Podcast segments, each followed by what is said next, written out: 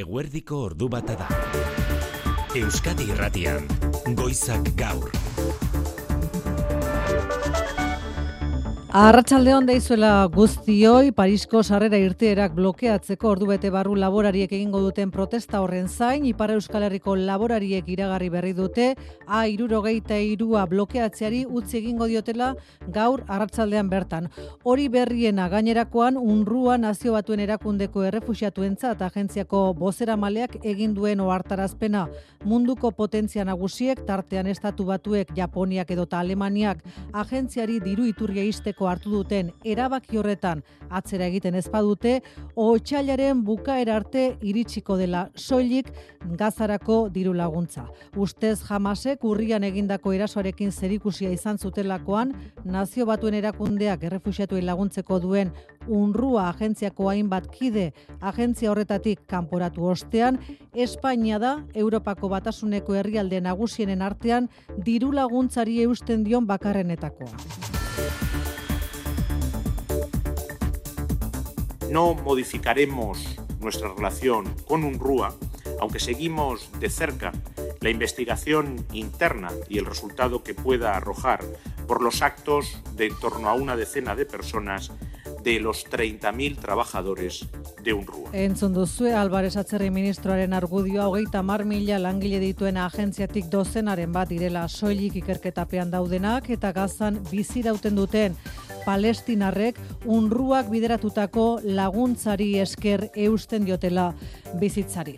Etxera etorrita ziur eguneko izpidea edo egun askotakoa jarriko duena, atletikek fitxaketei dagokionez betiko filosofiari eutxi behar ote dion, ala merkatuaren ateak parez pare zabaltzeko garaia iritsi ote dan, horixe da gaur bere buru aurkeztu duen denok erabaki mugimenduak zabaldu duen Zakit Pandoraren kutsa deitu, Jose Maria Paula. Arratxaldeon, baina negi esan orain arte gai honetan sortu diren eztabaida hauen artean behar bada biderik luzena izan lezakeen. Lelo hause da Euskaldun baten semea Euskalduna da nonai jaio eta nonai futbolari egiten dela ere.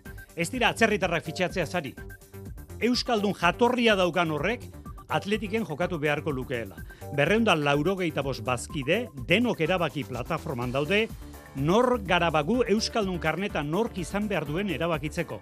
Lelo horri heldu, sinadura bilketariekin, eta 2000 eta hogeita bosteko ekainan ezoiko batzarra egin nahi dute atletikeen filosofia hori, Pandora kutsa hori, aldaketaren batekin jarri. Ea ondo ulertu da, Jose Maria, honek behar du eta bere azalpena. Jatorri Euskalduna duen edonork jokatu lezake atletiken. Jodezagun Txilen jaiotako Euskal Jatorriko persona baten semea. Jodezagun duela berrogei urte, estapuntan partida jokatzera joan zela Miamira norbait, asko eta asko joan ziren, haien ondorengoak Euskaldunak dira. Hori dio denok erabaki.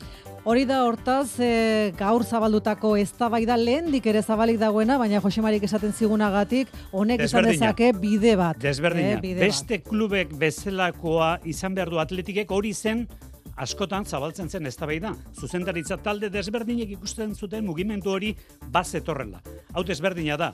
Ez dira beste jokalariek bezala merkatu ireki behar dugu. Ireki behar dugu, baina jatorria non den. Bueno, nik irudikatzen dut dagoeneko sare sozialetan eztabaida piztuta izango dela. Ordu bat aterdietan kirol legez, Jose Maria Paula Zarekin, eguneko beste lerroburuetan, Inigo Alusti Zarratxaldeon. Baita zuri ere maite. Tolosako udalak hau batez eta era bat gaitzetsi ditu osteopatia konsultategi bateko bi bezerok salatutako sexu erasoak. Andu Martinez derritu erto da alkatea. Ba, gure gaitzespen irmoena, ba, sexu eraso hauen aurrean, biktimai ba, gure babes osoa eta gertaera hauek salatzeko gaur arratsaldeko zazpietan esan bezala mugimendu feministika erekin batera elkarretaratze bateko deialdi egin dugu. Donostian bestalde hartzaintza ikartzen ari da San Sebastian munean gizonezko batek salatu duen sexu erasoa Euskadi Irratiak jakin duenez egia auzoan izan zen sexu eraso hori eta ertzaintza erasotzailaren bila ari da. Datorren ikasturtean jaularitzako hezkuntza sailak aintzat hartuko du matrikula egin nahi den ikastetxean aurrez anaiarrebaren bat izatean Jokin Bildarratz hezkuntza sailburua. Beti gertatu dira kasuak non anaia gendun zentroa eta etzion bermatuta an beste anaiak esartzeko aukera izatea. Momentu honetan posible izango da eta gure juridikoek bermatu digute horrela izango dela.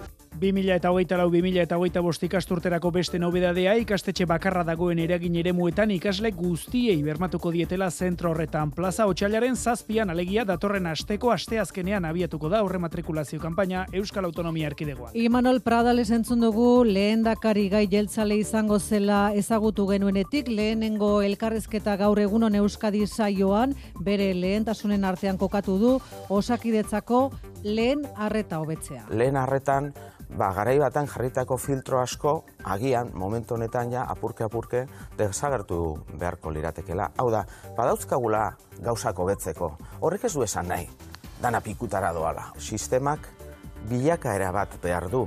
Itxaron zerrendak murrizteko behar ere nabarmendu du Pradalesek Eusko Legebiltzarrean bitartean osoko bilkuraren esku utziko dituzte gaur biharretan legealdi honetan onartuko dituzten azken lau legeak tartean transizio energetikorako eta klimaldaketaren lege proiektua. Jaione Munarriz Euskalmet Arratsaldeon. Kaix, Arratsaldeon. Nola datoz urren gorduak? Bueno, ba, datozen orduetan orokorrean berdintxu jarraituko du eguraldiak, hau da erdin mailako dei, goio dei dezente agertuko da, baina ala ere orokorrean giro argia, baina aldiz Ebro Ibarrean, ba, oraindik belaino trinkoarekin jarraitzen dugu, baina hemen ere baz, poliki-poliki desegiten eh, joango da. Egoa izeak eh, ba, gainetan eta aizelekuetan orokorrean eh, bizi xamar jarraituko du, eta atzera ere ba, kantauri xurialdean eh, ba, emeretzi hogei graduko balioak eh, neurtuko dira. Badakite aste guztiko aurrekospena egitearen oso zale etzaretela, jaione, baina begiratuta aplikazio desberdinetan aste osoan ageri dira gisa honetako temperaturak, ezta?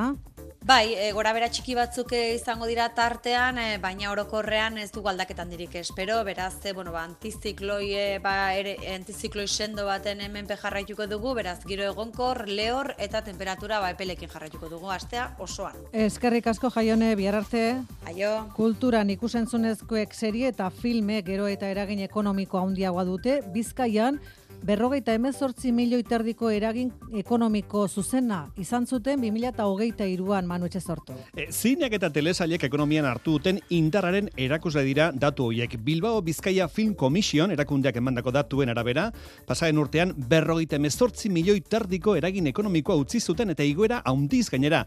2000 eta hogeita bat garren urtean baino lau aldiz haundiago izan da ikusentzunezkoek Bizkaian utzitako eragin ekonomikoa. Aipatu dugun erakundea, Bizkaiko aldundiak eta Bilboko dalak sortua da, eta bereen laguntza jaso duten ikusentzunezkoi buruz ari gara pasaren urtean eunda berrogeita amaika ekoizpen filmatu ziren. Bizkai eta Bilbo ekoizpen hauentzat lurralde erakargarri bihurtu dira, batez ere pizgarri fiskalei esker. Ainara Basurko, Bizkaiko fora aldundiko ekonomia sustapen diputatua. Uste dugu, 2008 garren urtea, inoiz ez bezalako urtea izan dela. Ez da, kasualitatea.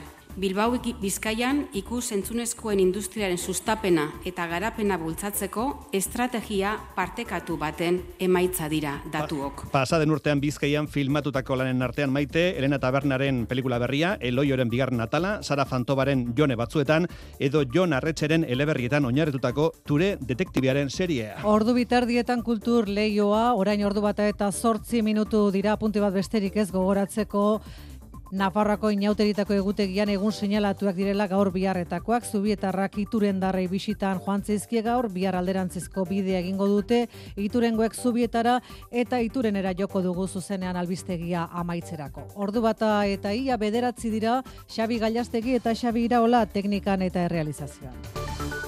Euskadi Irratian, Goizak Gaur. Maite Artola. Esan dizuegu, azken egunotan baiona parean airuro geite iru autobidea blokatu duten laborariek, protesta utzi egingo dutela gaur arratsaldean ala jakinarazi berri digute duela minutu gutxi Andoni Lizea gadago protestalekuan aurrera Andoni.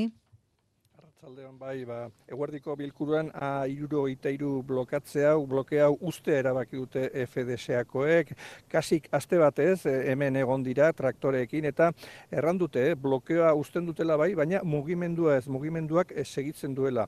E, Patrik Etxegarai entzun dezagun. Bakia hartia dugu, ben, gaur atxalde honetan hementik joanen gira. Benan, bon, behar balimada berriz ginen gira, hori benetako aberti du, mendu bat da bakarrik egiten alginen aste bat, zamoste egun gehiago. Lehenan, bon, uh, gure borroka segituko da, uh, gure lehen ministroak ez ditu uh, repostu guziak ekarri jan hastian, eta behar balima da berriz ginen gira, hunat edo beste norba.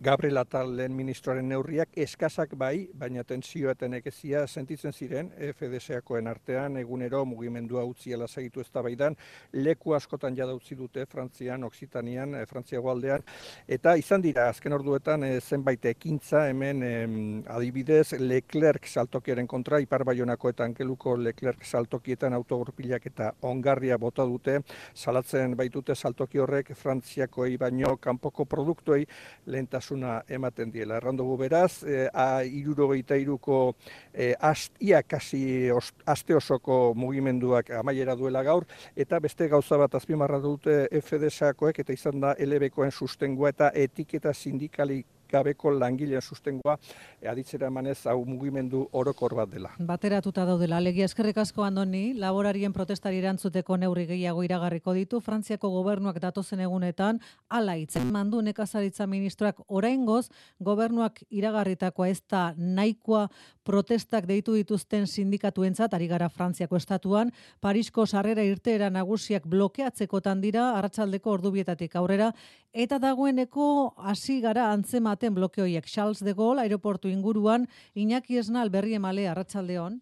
Arratsaldeon hasi dira lehen autobideak isten, A bat errepidean gaude, Paris norabidea erabat itxi dute laborariak iritsi aurretik, leku estrategikoa da Charles de Gaulle aeroportuarekin konektatzen baitu Frantziako aireportu handienarekin alegia. Amairu autobidean ere arazoak blokeatuta dago, taxistak protestetara batu direlako. Okerrena, arratsaldeko ordubietatik aurrera espero da, guztira zortzi autobide blokeatuko dituztelako, bestalde tentsioa handia da gansiko merkatuan, nekazari produktuen munduko merkaturik handienean, laborari talde batek blokeatu egin nahi baitu. Horregatik, barne ministerioak blindatuak ditu bertan, atzo gauetik blokeoa usatzeko. Merkatua blokeatzea marragorria da gobernuaren hitzetan. Laborariek baztertu egin dute momentuz protestak Paris iriraino eramatea. Gobernuak ez ziurrenik bihartik aurrera iragarriko ditu neurri berriak giroa lasaitzeko.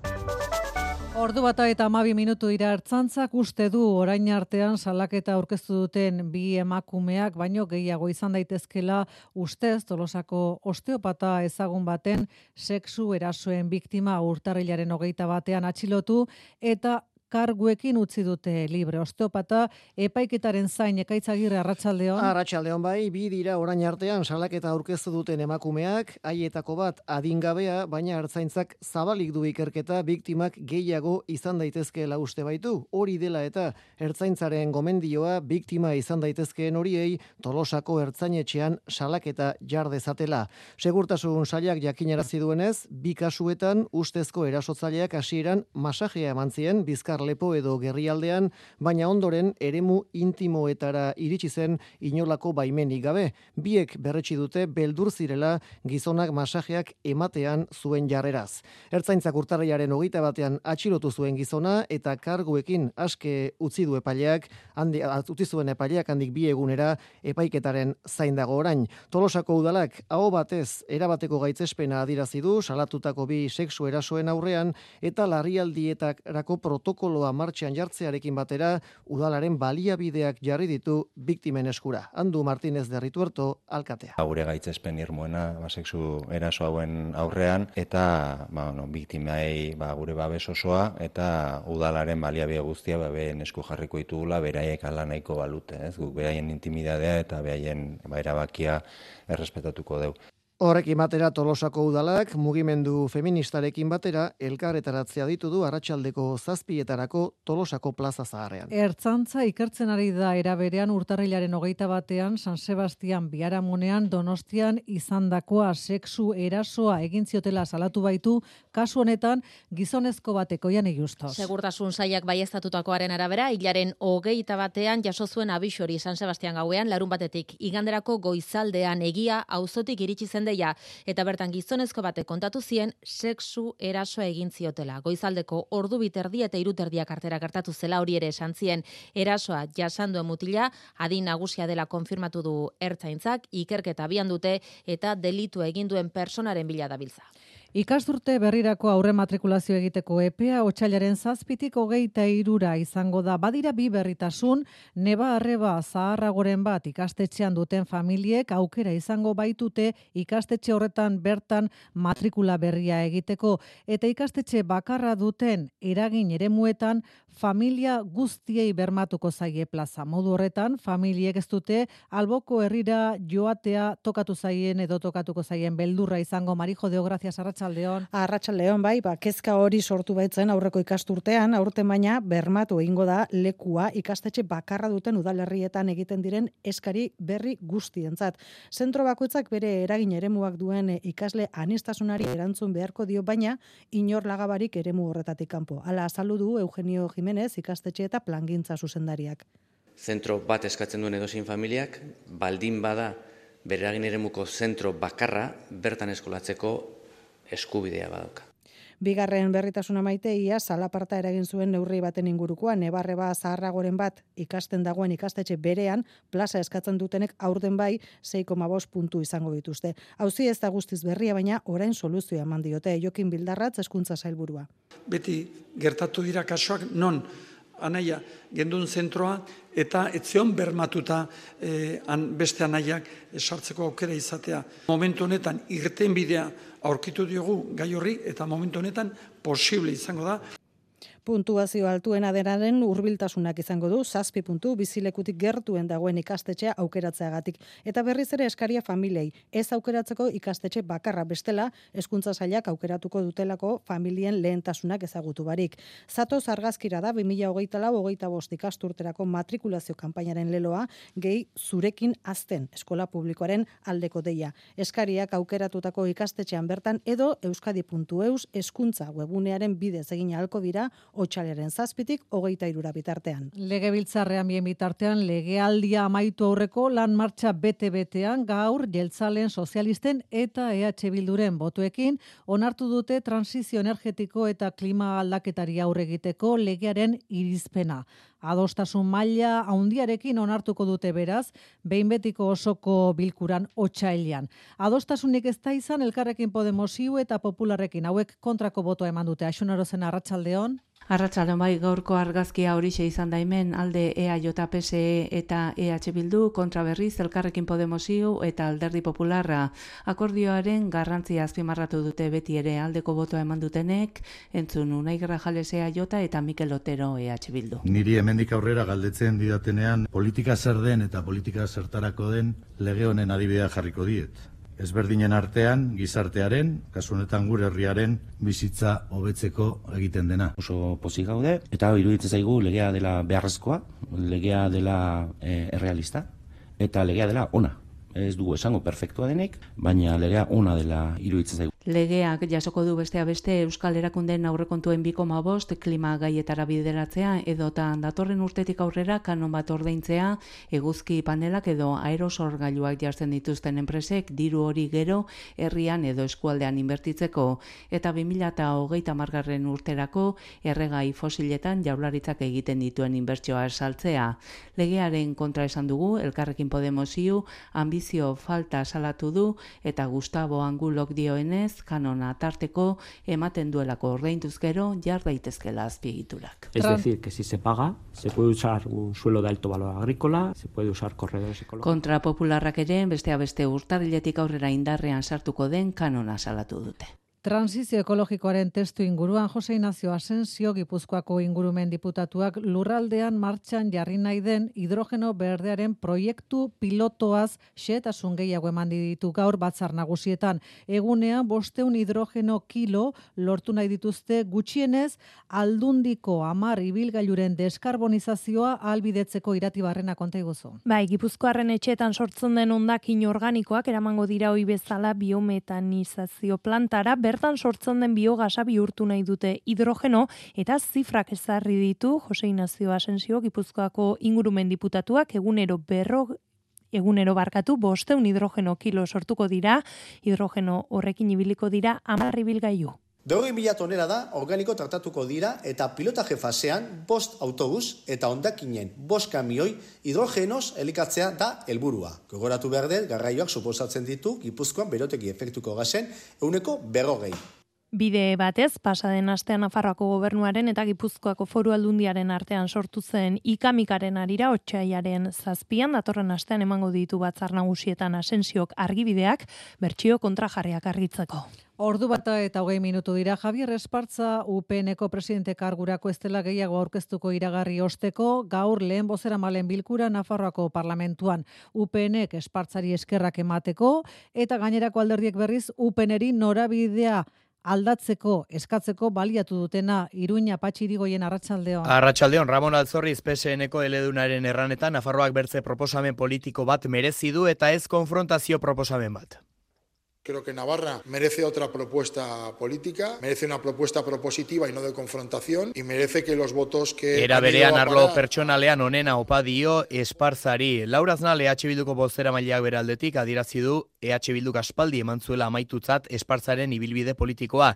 Gero abaiko Pablo Azkonaren iritziz berriz ezin zaio Nafarroari politika 2008 baino lehen bageunde bezala begiratzen jarritu haiek ikusi beharko dute nola birkokatuko diren edo zenolako estrategia diseinatuko duten. No se puede seguir mirando la política navarra como si estuviésemos antes de 2015. Eta ama hortzetik oposizioan dago UPN, beste lau igaroko ditu orain eta iruñeko udala galdu berritan, apirilaren hogeita zortziko batzar orokorrari begira daude regionalistak. Autagaitzak aurkezteko epea, apirilaren amarretik amabira egonen da irekita afiliatu entzat. Angel Ansa, UPNeko parlamentariak, Esparzak, Jolanda Ibai Ibañez eta Enrique Maiarekin batera egindako lana eskertu du. Bihar Espainiako diputatuen kongresuan osoko bilkuran ez usterik ezean onartuko den amnistia legeak jadan nahikoa zalaparta eraginez badu, Bartzelonako instrukzio epaitegiren azken autoak are eta gehiago nastu du giroa. Izan ere, Bolhov kasua aztertzen ari den epailaren arabera, Carlos Puigdemontek eta haren inguruak harreman estuak izan zituzten Errusiarekin, Errusiak Kataluniaren independentzia babestearen truke. Carlos Puigdemont amnistia legearen babesetik kanpo usteko beste urrats bat izan liteke hau Mikel Arregi Arratsaldeon. Arratsaldeon bai Bartzelonako lehenengo instrukzio epaileak Carles Puigdemont eta bere inguruak Errusiarekin izan zituen harremanak ikertzen jarraitu nahi du instrukzioa beste 6 hilabetez luzatzea erabaki du epaileak eta prozesaren garaian buruzegi independentistek Putinen gobernuarekin izan zituzten ustezko hartu emanaik aipatzen ditu. Bere idatzian Joaquin Agirre epaileak dio Puigdemonten ingurukoek Moskura bidaiak egin zituztela Errusiako ordezkariak Katalunian izan zirela eta bi aldeek harreman estua mantentzen zutela. Epailearen ustetan horrenbesteko zen bialten arteko harremana Puigdemontek aurrez izan zuela Ukrainako inbasioaren berri instrukzioak aurrera egingo balu Puigdemontek goimaiako traizio delitu bati aurre egingo lioke Aznar presidente ordeak sinesgarritasun guzti eman dio gaur epaiaren idatzioni. Sabemos que hay intervenciones extranjeras en los procesos políticos. Sabemos también... Gogoratu duenez, oikoa da atzerriko potentziek mendebaldeko herrialdeen egonkortasuna kolokan jartzeko mugimenduak egitea, bien bitartean amnistia legea bihar bozkatuko da kongresuan, juntzek eta eskerrak azken momentura arte, terrorismo kasu guztiak amnistia barruan sartzeko zuzenketak mantenduko dituzte, ez dute aurrera egingo baina, eta amnistia legeak eunde iruro aldeko botorekin aurrera egingo du senaturako bide hartuta. Ordu bata eta hogeita iru minutu dira Israelen akusazioen ondotik jomugan jarraitzen du errefusiatu palestinarrentzat unrua agentziak Beste bi gobernuk eten diote gaur diru iturri Austriak eta Errumaniak. Dozena badira dagoeneko erabaki hori hartu duten gobernuak estatu batuak buru. Eta horren aurrean ohartarazpen larria egin du unrua agentziak berak gaur. Gobernuek erabaki horretan atzera egin ezean, ezingo dutela jarraitu gazan laguntza bidaltzen hilabeteko epean landerra izagirre arratsaldeon. Arratsaldeon bai, bi milioi gazaterrek ezinbestekoa dute unrua agentziak agentziak egunero eskaintzen dien gizalaguntza, baina Israelen akusazioen ondoren dena dago orain kolokan.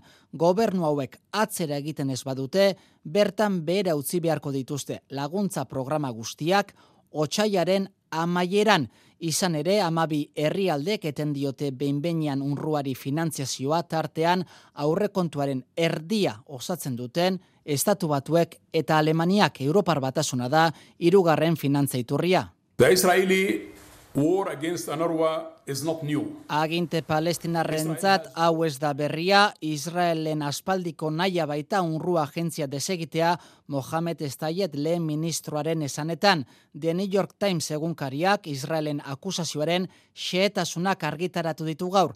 Unruako hogeita mar mila langiletatik amabi dira seinalatuak, amar jamaseko kideak lirateke Israelen arabera, janjuniseko eskuntza arduradun bat seinalatzen dute bereziki, urriaren zazpian, baiketa batean lagundu, eta komando palestinarrei armak eta ibilgailuak eman zizkielakoan akusazioa telefono deietan, mesuetan eta geolokalizagailuetan oinarritzen dute nazio batun erakundeak abian dauka barne ikerketa. Sarreran entzun duzue, Jose Manuel Álvarez, Espainiako atzerri ministroa ikerketa horren peskizan egongo direla, baina argudiatu du hogeita mar mila langile dituen agentziatik izatezkotaz dozenaren bat izango liratekela ikerketapean daudenak, eta hortaz Espainiak eutxi egingo diola unrua agentziari ematen dion diru laguntzari, baina egia san Europar batasunean herrialde haundienen artean bakarrenetakoa da jarrera horrekin Espainia.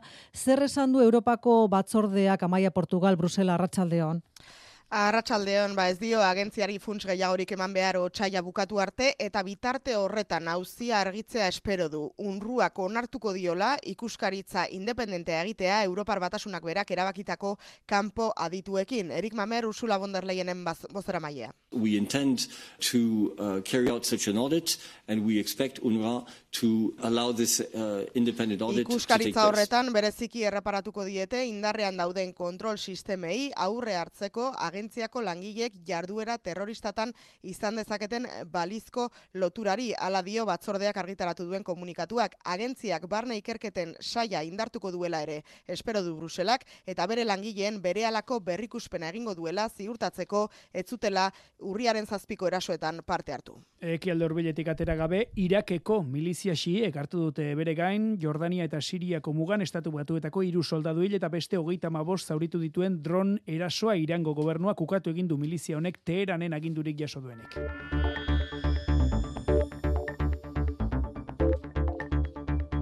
Gertuko informazioari lotuta Bilbon azken urtean animalia gutxiago adoptatu direla aintzat hartuta udalak beste kanpaina bat abiarazi du maitasun arduratsua goiburupean kalean abandonatuta uzten diren txakur eta katuak etxean hartzeak duen garrantziaz ohartarazan nahi ditu udalak herritarrak janire gerena barrena. Bai, animalien adopzioa bultzatu bai, baina horrek bere gain erantzunkizun eta bete beharrak ere badituela gogorarazi nahi du Bilboko udalak kanpaina honen bitartez Jon Uribarri animalien kontrolerako udal zentroko albaitarian. Akurri ondo zaindu edo katue, e, jateko egokea emon, eta gero kaletik zerbizenean be, eh, gorotzak eta garbitu, eta batez be, importantena, animaliak identifikatu. Kaletik galtzen diren txakurretatik, biltzen dugu zenetatik, kopuru nahiko importante bat, ez dauka mikrochip jarrita. Elitzateke gertatu behar. Legeak agintzen deolako, baina ezke hori da funtzeskoa. 2008an kalean nora esean zebiltzan irureun da laurogeita zei txakurretakatu jaso zituen udalak aurreko urtean baino euneko emeretzi gutxiago. Animaliak abandonatzeko joerak beherantz egin badu ere, kezkagarria da udalaren ustez animaliak adopzioan hartzeko joera, joera ere beherantz doala hartxandako txakurtegian, eun da irurogeita bat txakurretakatu adoptatu dira azken urtean, aurrekoan baino euneko ama sortzi gutxiago adopzioaz gain, animaliak aldi baterako harreran hartzeko aukera ere badagoela gogorarazi du Bilboko udalak.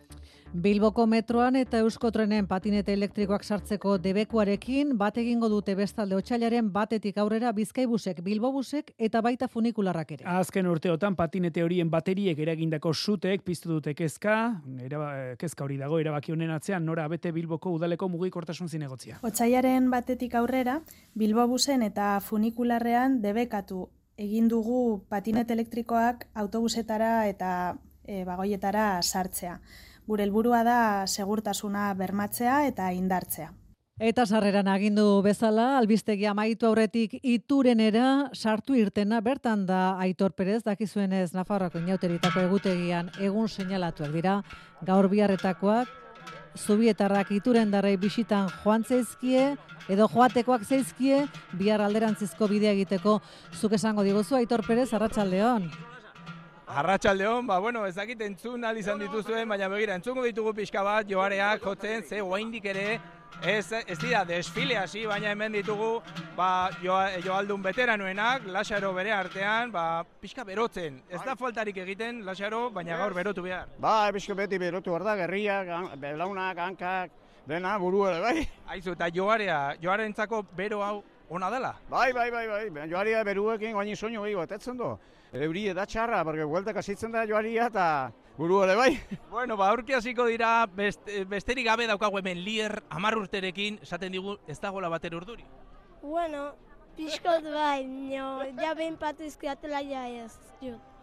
Maite, ikusten duzu, hemen sekulako gitura, jendetza, iurbildu da, beti bezala, gaur ere gainera autobusak donezte betik datoz, kotxe gutxiago izan daitezen, eta daukaguna hemen da, jende pila bat, bazubietarrei, harrera noiz egingo diete gituran derrek, beraz, hemen geldituko gara eta ea, aurtitzera o latxaga uzora, goazen zubietarren bila. Amua jarri diguzu eta hortaz ordu bietan berriz ere egingo dugu batzurekin aitor iturendik eskerrik asko. Hori egingo du bai.